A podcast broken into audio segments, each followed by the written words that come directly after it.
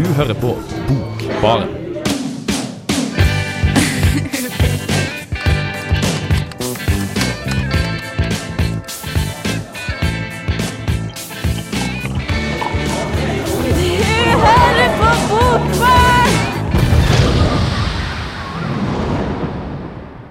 God kveld, godtfolk, og velkommen til Bokbarn. I kveldens sending skal vi snakke om kritikervinnere, altså prisvinnere. Prisvinnere, ja. Prisvi- kritikervinnere. altså Hvis du har vunnet noen priser, så har du vunnet noen kritikere, vil jeg jo si. Ja, som regel. Um, jeg sitter her sammen med eh, Idun Fivelstad, Hei, eh, hei. som vanlig. Mathias Samuelsen er borte. Han er vei å danse. Han er å danse. Eh, vi har funnet ut at Mathias sannsynligvis er å danse, eh, fordi vi ikke har fått med oss eh, så veldig mange andre grunner. Men eh, til mammaen til Mathias, Anne Sofie, så vil jeg bare gjerne, gjerne si at du ikke skal slå av radioen din helt ennå. Han kommer tilbake, forhåpentligvis sånn mot slutten, og skal snakke om, med oss om Lars Petter Sveen sin 'Kjøre fra Fræna', som jo vant Vesaas-prisen. I tillegg skal vi snakke om Aravin Adiga med sin bok 'Hvit tiger', Mm, det som vant eh, Booker-prisen. I fjor. Og vi skal snakke om Nicolai Frobenius, for, som vant Ungdommens kritikerpris, hva nå det er. I tillegg så har vi med oss eh, Anne Louise Maarseth i studio. Eh, Du er redaktør for RIS, og det skal vi snakke litt om. Men før vi går videre, kanskje du skal fortelle oss akkurat hva det er? Ja, RIS er et eh, litteratur- og språklig tidsskrift laga av studenter ved Institutt for språk og litteratur på Dragvoll. Ja. vi skal snakke mer om det etter ei låt. Vi skal få høre Camera Obscura med French Navy.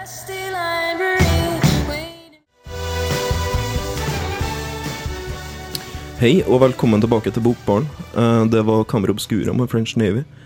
Eh, Som jeg sa rett før vi gikk over til låt, så sitter vi her med Anne Louise Marseth, som er redaktør for RIS. Eh, Vi fikk også høre det at RIS er et tidsskrift som gis ut av studenter på nordisk og litteraturvitenskap. Ja.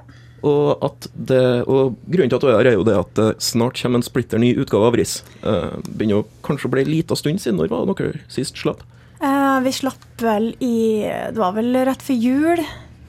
Eh, så det er jo en liten stund siden. Begynner å bli en liten stund siden. Ja, Vi har bruka å slippe et nummer i semesteret, og akkurat nå i vår så har vi tema makt og avmakt. Ja, Og det er jo et vanskelig og stort tema å skulle prøve å forstå hva Altså Når et tidsskrift setter et tema som makt og avmakt, eh, så, så, så blir jeg i hvert fall litt sånn Litt sånn tvilsom. Jeg føler at jeg er nødt til å tolke temaet før jeg kan på en måte begynne å forstå hva det skal gå ut på.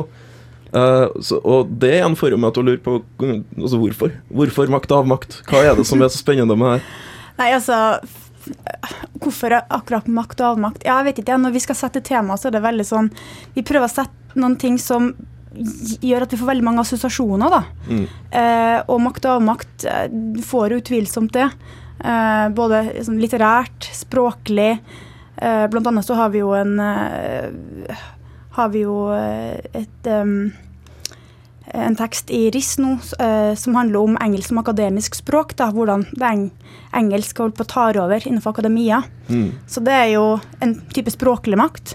Uh, ellers så, så håper vi alltid på at folk skal på en måte finne sine assosiasjoner, da. Ikke sant? For jeg regner jo med at dere får, får veldig mye rart når dere setter ting. Altså det, det er jo Altså makta eh, det, altså det kan jo, som du sier, altså omhandle hva som helst. Så lenge det har en eller annen form for spenning i seg. For makt og avmakt er jo spenning. Mellom, eh, mellom kontroll eller disharmoni, mellom kaos eller ukaos. Uh, alt ettersom. Uh, jeg, jeg lurer på, altså eh, Dere har jo òg fått noen eh, forfattere til å skrive artikler. Hva er det da mellom? Uh, ja, så Vi har annet fått Tor Åge Bringsvær til å skrive en liten tekst om eh, ja, det er en bløtkakemann, da, og, og litt grann om at ja, han kasta jo aldri bløtkaka, det var ikke sånn det var. Og litt grann om avmakt eh, i forhold til ja, hvor, hvor, når man burde kaste bløtkake, og kriterier for det, da, osv. osv. Begynner Tor Åge Bringsværd kanskje å bli litt surrete på sin eldre dager?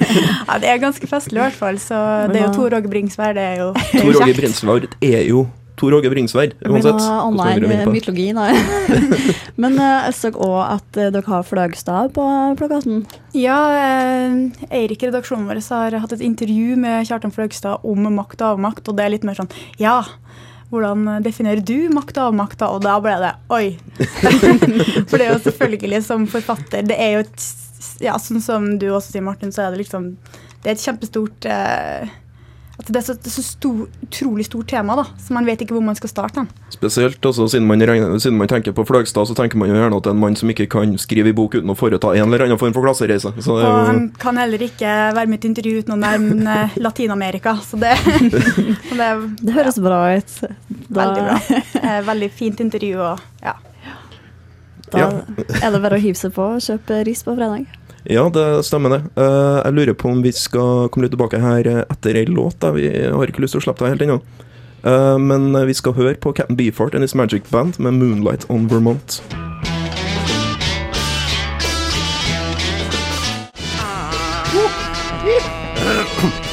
Radio Revolt. Ja, velkommen tilbake til Bokbarn. Vi sitter og snakker med Anne Louise Marseth om eh, den kommende utgaven av tidsskriftet RIS, som gis ut av studenter på Hva heter den? Der jeg går, der jeg studerer. INL, ja. Det- det- alle studerer, heter det vel. Der alle sammen studerer. Alle, som, alle sammen som leser bøker studer, og studerer samtidig, går gjerne på INL. Um, vi snakka litt om uh, den uh, tematikken for det her uh, tidsskriftet, og vi nevnte så vidt at det kommer på fredag. ja, det skal slippes på fredag, og da har vi gedigen eh, slippfest på Rabarbra på Bakklandet. Mm, Klokka åtte. Klokka åtte, ja. Kom, kom. Sammen med, en, eh, med gjengangere som er linjeforeninga vår, så har en prisutdeling. Pri det gjengangere. Ja, pri de gjengangere. Mm. Men det her er jo ikke bare for uh, mennesker som henger på INL og sånn, er det? Det er, jo, det er vel lov til å komme? Det er fullstendig lov til å komme. Det blir jo høytlesing av skjønnlitteratur, og det blir øl, og det blir også en minikonsert med boller og lilleband. Og kåringa av foreleseren som har utmerka seg i år. Ja, eller vært mest sexy, kanskje. Ja. Vel mest sexy. Det òg. Det er det det går på. Uh, med andre ord på Institutt for nordistikk og litteraturvitenskap. Det er ikke hvor flink du er til å lese bøker, det er hvor bra du ser ut mens du gjør det. Da må det bli jo Mælum. Hvem? Britt Mælum. Å ja, ja, ja. Nei, hun på. Eh, det er jo også sånn at, eh, som du sa, dere slipper et, eh, et, en utgave av RIS per semester. Det er det som er målsettinga. Og mm, eh, du fortalte meg jo før her at neste år skal dere prøve å være litt eh, tidligere ut. Eller ikke neste år, men over, over sommeren. Eh, hva er det som skal foregå da? Hva er ting? Ja, altså vi skal komme med et nytt nummer med det spennende temaet erotikk og retorikk. Oi. Uh. Ja, Så vi håper jo på at folk har lyst til å sende inn ting der, da, at man får litt assosiasjoner med en gang her. Det håper jeg jo folk får. Ja, om om ikke så kan man jo komme på Pride Gjengangere og bli inspirert av sexy forelesere. Eh, Det kan man jo. Ja. Eller man kan la være. Erotikk og retorikk i kombinasjon, jeg vet ikke. Får, du, får du noe plutselig ideer til det her, Idun? Ja, så er jo sommeren å tenke oss på, så For ikke å snakke om våren. ja, så det kan godt hende det kommer opp noen fine utkast etter hvert. Sånn sender. Det skulle ikke overraska meg om altså, siden det er vår og det neste nummeret er erotikk og retorikk, så kommer det inn sånn 50 bidrag med favorittsjekkelinja. Ja, jeg tror det kommer til å komme veldig mange noveller med litt sånn forførende ord og litt sånn ja. Ja, nei, også, og folk som, folk som leser Dusken og sånn, og ser, ser på bidragene som ofte kommer inn der, vet jo det at hvis det er noe studenter liker å skrive om, så er det forelskelser. Og jeg vet ikke. det er kanskje ikke helt heller.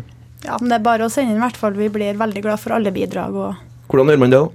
Altså, Du kan sende det til uh, rissalfakrøll.stud.ntnu.no.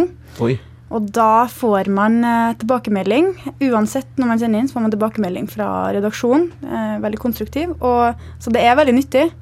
Eh, så det er bare å sende inn. Men dit igjen kan man, man trenger heller ikke å være student på INL for å få lov til å sende til RIS. Eh, Alle kan sende inn. Alle kan sende inn. Så, Ja. så Tor Åge Bringsværd har altså ikke immatrikulert seg for anledningen. Nei, altså, han har ikke det. Han fikk, han fikk også lov. Han fikk lov til å trykke. Han gjorde det. Fine greier. Yes, så den adressen kan vi legge ut på Facebook-sida vår på Bokbaren etterpå. Det skal vi selvfølgelig gjøre. Vi skal skaffe dere en link til RIS sin hjemmeside, sånn at dere kan eh, gå inn der og Så litt rundt og vurdere om dere kanskje har lyst til å sende en tekst. Jeg anbefaler det. Jeg har sendt inn en tekst nå, og jeg hadde det veldig morsomt. Ja, og du fikk masse tilbakemelding. Jeg fikk masse tilbakemelding. Veldig mye tilbakemelding. Veldig, veldig bra med tilbakemelding. Eh, så for så vidt, eh, hvis eh, medlemmene av min fanklubb ute der òg, altså mamma, kan få med seg det nye RIS, fordi at jeg har skrevet en veldig fin artikkel her. Uh, som vi skal komme tilbake til neste sending. Kom tilbake til i neste sending av Bokbarn, faktisk. Vi kan jo snakke om det og da. Eh, nå skal vi kanskje gå videre til låt. Vi skal høre Bat for Lashes med Daniel.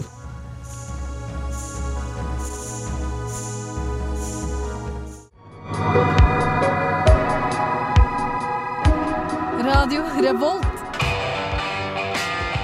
Radio Revolt. Ukas bok. Gjorde høstens frisører krysantemomene bustete? Bittelille Koloritt Forlag har vel kanskje aldri gjort seg bemerka med perler fra litteraturhistorien før. Men nå har det kommet unntak som til en viss grad bekrefter regelen. En gjendiktning av Pablo Nerudas El libro de las preguntas, som på norsk har fått tittelen Spørsmålenes bok. Hvilke fugler dikterer orden når flokken flyr? Spørsmålenes bok er akkurat hva den presenterer seg som. En spørsmålsbok. Ikke i Trivial Pursuit-forstand, men i magisk realisme-forstand. Den presenterer en serie dikt som stiller nesten sorgmuntre retoriske spørsmål om livet, døden og alt mulig. Den er noe av det siste Neruda skrev, og kom ut først etter at han døde i 1973. Av din aske vil det bli født tsjekkoslovaker eller skilpadder. Det er ei fin lita bok.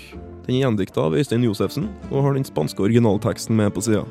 Man får et helhetlig og fint bilde av konseptet. Dessuten er den illustrert av kunstneren Carlos Chávez fra Guatemala, noe som gjør boka litt mer fargesprakende og kaffebordsvennlig enn den ellers ville ha vært. Hvorfor blir jorden trist når fioler kommer til syne? Det er ingenting grensesprengende med spørsmålenes bok, og den kan vel neppe kalles det mest interessante biten av Pablo Nerudas forfatterskap, nobelprisvinner som han er. Likevel er den ganske koselig. Jeg koser meg i hvert fall gjennom den.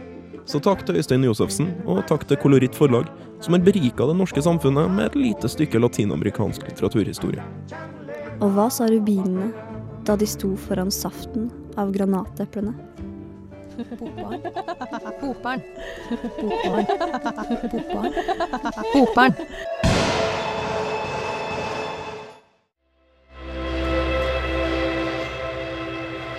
Hei og velkommen natt til natt til Bokbarn. Der fikk du Las Vegas med Geraldine, og de skal spille på Svartlamoen neste uke, så hiv dere over eh, billettene. Hvis dere tør. forsvin- Ja, om dere tør. Nå har Mathias akkurat kommet tilbake fra danseøving, men eh, Gikk det bra? Det gikk kjempebra. Eh, Det var foxtrot og vals denne gangen. Og jeg kan si at jeg mestra i hvert fall foxtroten ganske godt. Du er så flink, altså. Mm. det er godt å er høre. jeg så fornøyd. I mellomtida så har jeg Martin Lesse Nikolai Frobenius. Ja, jeg blæste gjennom hele, hele boka mens du var dansa, faktisk. Oi, så flott. Jeg gleder meg til å høre det på podkasten som vi legger ut eh, når vi har fått en podkasttjeneste på hjemmesidene våre på Radio Revolt. Må ikke du begynne å skifte tema nå? ja. Og den boka heter Jeg skal jeg skal vise dere frykten. Og den ja. ser litt mersk ut, du ser på coveret. Det er veldig mørkt. Eh, Det, det er eh, Altså, vi har jo begynt å få en veldig fin tradisjon med å beskrive coveret på bøker du har lest, og det her er ikke et unntak. Det er en ravn på coveret. Det er skikkelig svart, og så ser vi det øverste høyre øyet med hårlinje til Edgar Allan Poe der. Uh, og det syns jeg er veldig stilig, for, uh, for Poe har jo et veldig dystert øye. Og fargen svart var vel ganske sentral i hans forfatterskap, kan vi vel si. Ja, for handlinga den eh, er lagt til 1800-tallet. Ja, sånn, ja, mens Poe drev og herja og skulle etablere seg som forfatter eh, i sånn, eh, sånn Richmond, Virginia, New York. Han var litt sånn Han var sånn ung eh, litteratfyr med, med ei ung, syk kone og drev, og drev liksom rundt og og skrev kritikk og sånn. Og det er litt der Frobenius angriper boka. Altså, vi, vi kommer inn eh, mens Poe driver på å etablere seg, eh, med litt sånn stikkere til barndommen hans og sånn, som det jo må være. Mm. Uh, og, eh, plukker, og de plukker opp det forholdet han hadde til en kritiker som het Rufus Griswold. Eller Frobenius gjør det, da, selvfølgelig.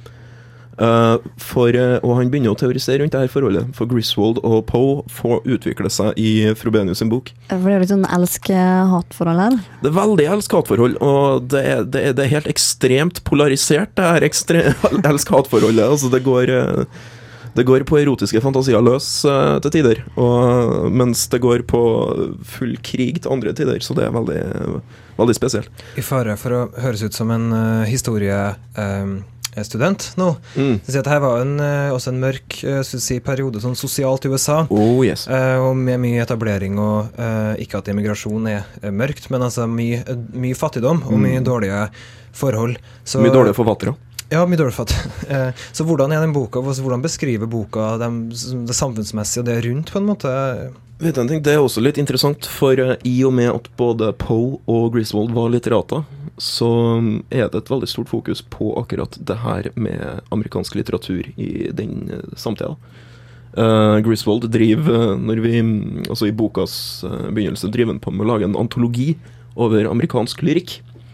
Og det er sånn de da møtes, for siden Poe driver og slår seg fram, så vil han jo selvfølgelig være med. Uh, og det er da sånn de, sånn de møtes, og sånn de blir kjent. Uh, og mm, Så vi får hele det her, altså mm, samfunnssida av det, presentert gjennom hvordan amerikansk lyrikk er. Altså Debatten går på er vi for lik britene, er vi, er vi dårligere enn britene, er britene som er britene fortsatt sjef, eller har vi noe å by på? Og det er jo det her, den her tradisjonen og den her debatten Poe da skriver seg inn i. For Poe um, var jo vanvittig nyskapende. De fleste kjenner vel eh, novellene til Poe, eller eh, novellettene, altså på en måte da med The Telltale Heart og uh, Ja. en del av dem her. Og diktet The Raven Ja. kanskje verdens mest filmatiserte dikt, Mm. vil jeg si. De færreste er vel kjent med at Poe har et ganske stort lyrisk forfatterskap som ikke er mørkt, men som er på en måte av elegier og kjærlighetsbruk. Kommer det noe frem i den, altså i på en måte Uh, Poe får, Poe får lov til å uttale seg om sitt forfatterskap i ganske stor grad, vil jeg si. Men er Mm. det historisk korrekt? Det bryr jeg meg ikke om. Nei, altså, det, jeg- det jeg spør om, Martin, Nei, kan, kan ja. dette brukes som en, som en oversikt over Poe sitt forfatterskap? Er det- Ikke som en oversikt, men det kan Nei. brukes som en inngang til Poe. Hvis man Mm. er Poe-interessert, så vil jeg absolutt anbefale denne boka her. Altså, vi får, uh, altså, Frobenius har helt klart uh, tenkt seg inn i Poe sine sko ganske hardt, og um, prøvd, å for, prøvde å forklare hva det, var, hva det var som drev en mann til å skrive um, til å skrive vanvittig makabre uh, og mørke kjærlighetsfortellinger. Og så Han skrev jo om angst, paranoia, om kjærlighet, om håpløshet, om håp og alt mulig annet. Og det her gjorde jo Poe fordi han mente at um, stilisering var sentralt eh, for å skape en slags litterær sannhet. Han trodde på litterær skjønnhet, han trodde på, han trodde på sannhet, men han trodde eh, ikke det at man var nødt til å være romantiserende eller eh, realistisk for å få det til. Vil du, vil du si at skoen var et par størrelser for små, men at han klarte å tenke seg eh, i dem likevel? Kanskje. Jeg er ikke sikker på helt hva du mener. Eh, men vi skal forlate deg med forvirringa og gå over til massehysteri med istiden.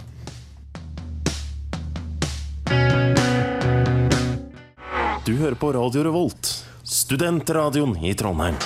Det gjør du, og desto mer hører du på Bokbarn. Der hørte du nettopp masse hysteri, som tydeligvis liker fuskgitarer, og svensk. Eh, vi har prisvinnersending i kveld. Vi har nettopp snakka Snakka om Nicolai Frobenius. Nei.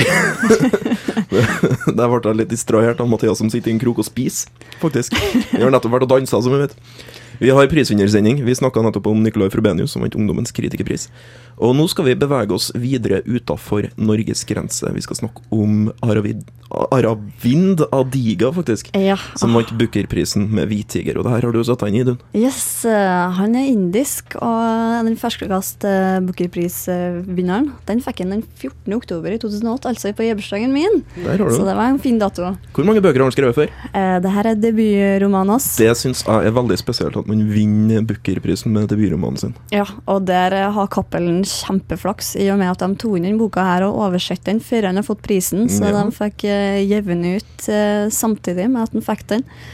Vi kan jo da fortelle litt om uh, Booker-prisen. Det, Ja. det er jo en pris som gis til engelskspråklige Du kan rette på meg hvis jeg tar feil, For jeg har ikke, jeg har ikke lest det her, jeg tror jeg vet det. Ja. Booker-prisen gis til engelskspråklige forfattere, uansett hvor de måtte komme fra, så lenge de skriver på engelsk. Eh, ikke uansett hvor de uh, måtte It komme fra, men uh, de må være i Commonwealth of Nations. Ja. det, er altså, det er altså en av det engelske imperiums siste bestanddeler vi snakker om her. Det er Eh, Rule 50 Britannia. Det er sier jeg 53 stater altså. så er med, Ja, og flere enn jeg trodde, faktisk. Og alle spiller er- cricket. Alle, Ja. alle, alle, alle, som spiller, alle som har et landslag i cricket, får lov til å konkurrere om Booker-prisen så lenge de skriver på engelsk. Mm, og Det si. det er jo en del kjente nå da, som har fått den prisen her. Margaret Atwood, for eksempel, i Margaret 2000 Atwood. med The Blind Assassin. Og The English Patient fikk den jo i 92. Hva heter han, da? Eh, Han har så rart navn. Han er fra Sri Lanka. Ondorje. er det man sier? Ondorje, ja. Da har jeg lært hvordan en skal uttale det òg. Iallfall den er jo på 50 000 pund, den prisen her. Så Det er, en, det, er en, det er en fin mengde med penger, spesielt hvis man kommer fra India. Det vet jo Ja. alle som har sett Slumdog Millionaire. ja, han står så vel. Han eh, bor vel i Australia nå, så Du har laga en, du har laget en sak om det her, jeg har gjort det. ja, så vi kan vel like godt høre på den, i stedet for å prate mer om det.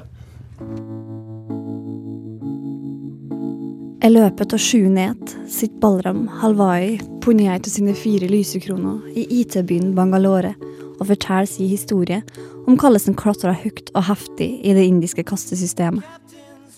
Dette er inspirasjon fra et kommende statsbesøk i sitt hjemland fra den kinesiske statsministeren Wen Jiabao.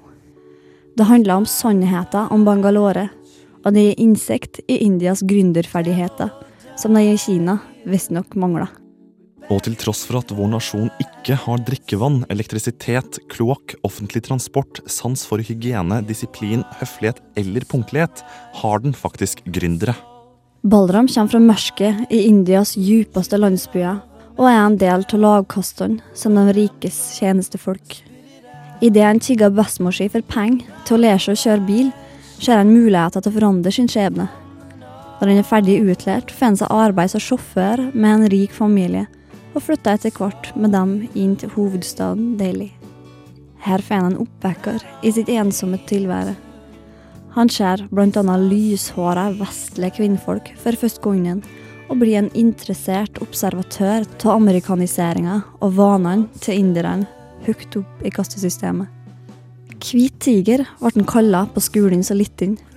Dyret som bare kommer én gang i hver generasjon, mens dagens samfunn i India sperra inn i dyrehagen. Baldram besvimer i dyrehagen ved dette synet, og bestemmer seg for å gjøre en ende på sin tjenertilværelse. Han vil bryte ut av buret, om det så går på livet løs. Stilla blir jeg sympatisk fenga av slik kynisme som hovedperson og e-person Balram Halvai så ærlig legger fram.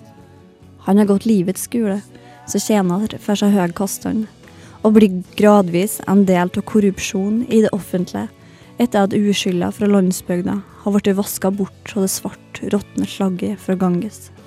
Korrupsjonene han forteller om, har smelta inn i ham som er hovedpersonen, og samfunnsforholdene blir derfor blotta i en sarkastisk og underholdende tone som gjør at vi kjenner lukta av halvmeterstore heger av hønestyt og opprente krøller, tånagler, når vi legger fra oss romanen.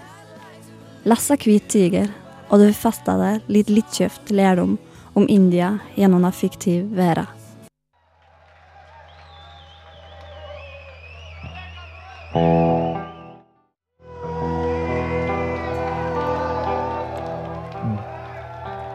Dead Moon sin versjon av den gamle Stones-låta 'Play With Fire'. Veldig, veldig fin, syns jeg. Eh, før, uh, før eh, pausen skal jeg til å si, så snakka vi om Aravind Adigas sin uh, Booker-prisvinnende 'Hvit tiger'. Eh, og jeg fikk i hvert fall litt, uh, litt grann lyst til å lese dette her, kjente ja, jeg sånn inni meg. Jeg har ikke gjort det. absolutt at du skal gjøre og Den er varmt anbefalt. Det, den er det, og det er kjølig godt å lese deres synsvinkel på, på oss hvite, og ikke omvendt. Ja, for, for det fikk jeg jo med meg, at den er presentert som liksom som, som, som et indisk syn på oss. Og du sa at du hadde lyst til å lese noe som angår akkurat det. Ja, det vil jeg gjøre. Kjør på. Ja, faktisk så har synet til så her gullhåra utlen- utlendingene. Og de vil oppdage at Bangalore er fullt av dem for tida. Overbevist meg om at hvite mennesker er på tur ut. Alle sammen ser så avmagra ut, så ynkelige. En ser aldri noen av dem med en skikkelig mage. Jeg gir den amerikanske presidenten skylda for det her. I sitt eget land har han gjort sodomi helt lovlig, og menn gifta seg med andre menn i stedet for kvinnfolk. De sa det på radioen.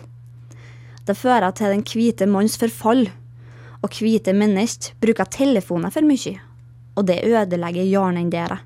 Det er et kjent faktum. Mobiltelefoner fører til kraft i hjernen og krymper maskuliniteten. Japanerne oppfant dem for å redusere størrelsen på den hvite manns hjerne og baller samtidig. Jeg overhæler på en bussholdeplass en kveld. Fram til da har jeg vært stolt av Nokiaen min og vist den fram til alle servicetelefondamene jeg hoppa å dype nebbet i. Men da kasta jeg den med én gang. Absolutt alle som ringer med, lyder ring på fasttelefon. Det er ikke bra for virksomheten, men hjernen min er for viktig, sør. Et tenkende menneske har ikke annet her i verden. Den hvite mannen kom til å være ferdig i løpet av min levetid. Det finnes svarte og røde òg, men jeg har ikke noen formening om hva de driver med. De snakker aldri om dem på radioen.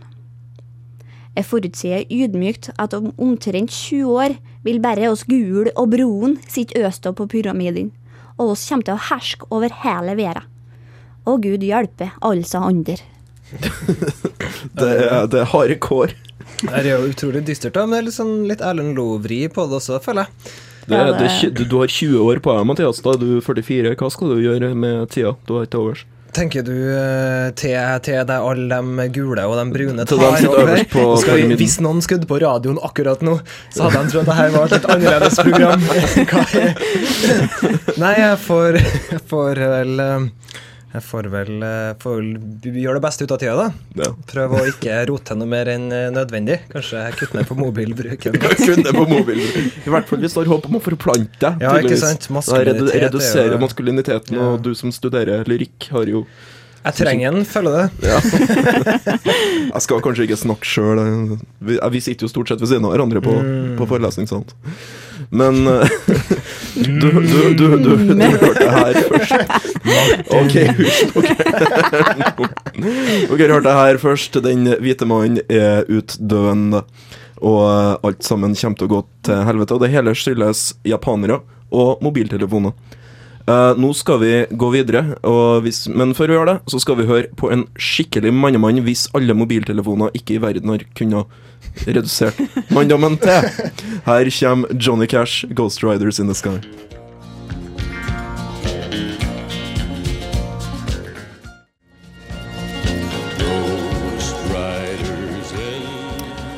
Velkommen tilbake på Det Bokbaren. Det der var mannemannen Johnny Cash uh, som sang sin versjon av Ghost Riders in the Sky.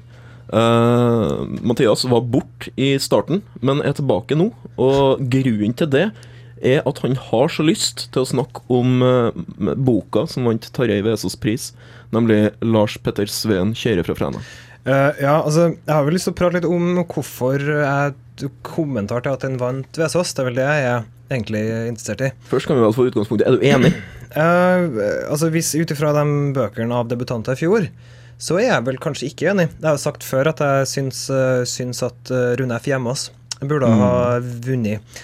Eh, men det er jo en annen sak. Jeg, jeg ser jo hvorfor den her har vunnet. Det, det, det er jeg jo enig i. Den er jo veldig kyndig skrevet. Det er veldig godt, eh, det er veldig godt håndverk, er det. Fryktelig godt håndverk, men eh, kanskje ikke Jeg, jeg vet ikke om den treffer meg, da, der den burde ha truffet meg. Men jeg som er fra bygda, jeg blir truffet. Ja. Jeg liker den kjørende godt. Ja, den er jo om rånere. Eh, Jeg syns, jeg syns det er liksom sånn Om det så er fysiske rånere eller rånere på den politiske, lokalpolitiske arenaen, så dreier det her seg om bil. Eh, og på en måte sånn bøying av loven på sett sett og vis, da. Um, jeg syns kanskje den, eh, noen av de delene jeg liker godt, trekker den ikke langt nok ut. Eh, og det er, litt, det er litt mitt problem med den. Uh, at den kanskje ikke går dypt nok. Da. Den holder seg på overflata av tematikk som, er, som trenger litt dypere forklaring, men det er kanskje noe av sjarmen. på en måte. Men det etterlyses jo så ofte flere bygdeskildringer i norsk samtidslitteratur. eh, Og veldig mange av dem som kommer, handler jo mer om sånn bæring av ved og sånn.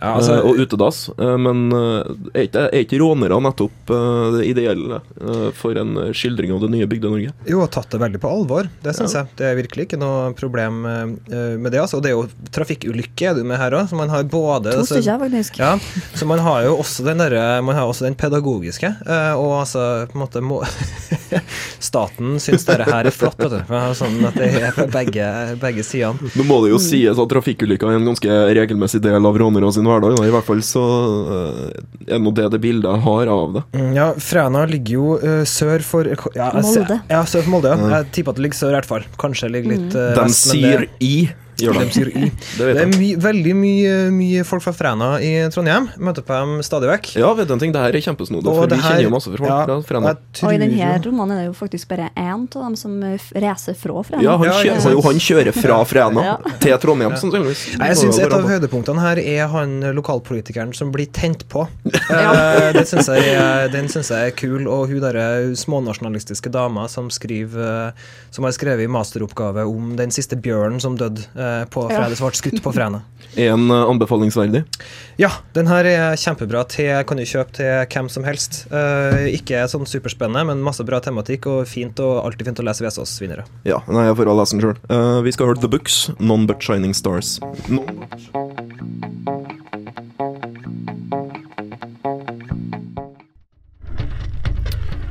God dag, du hører på Radio Revolt, og du hører snart ikke lenger på Bokbaren. Vi har eh, hatt ei sending prega av glede, prega av tårer og prisvinnende bøker. Takk skal du ha, Martin.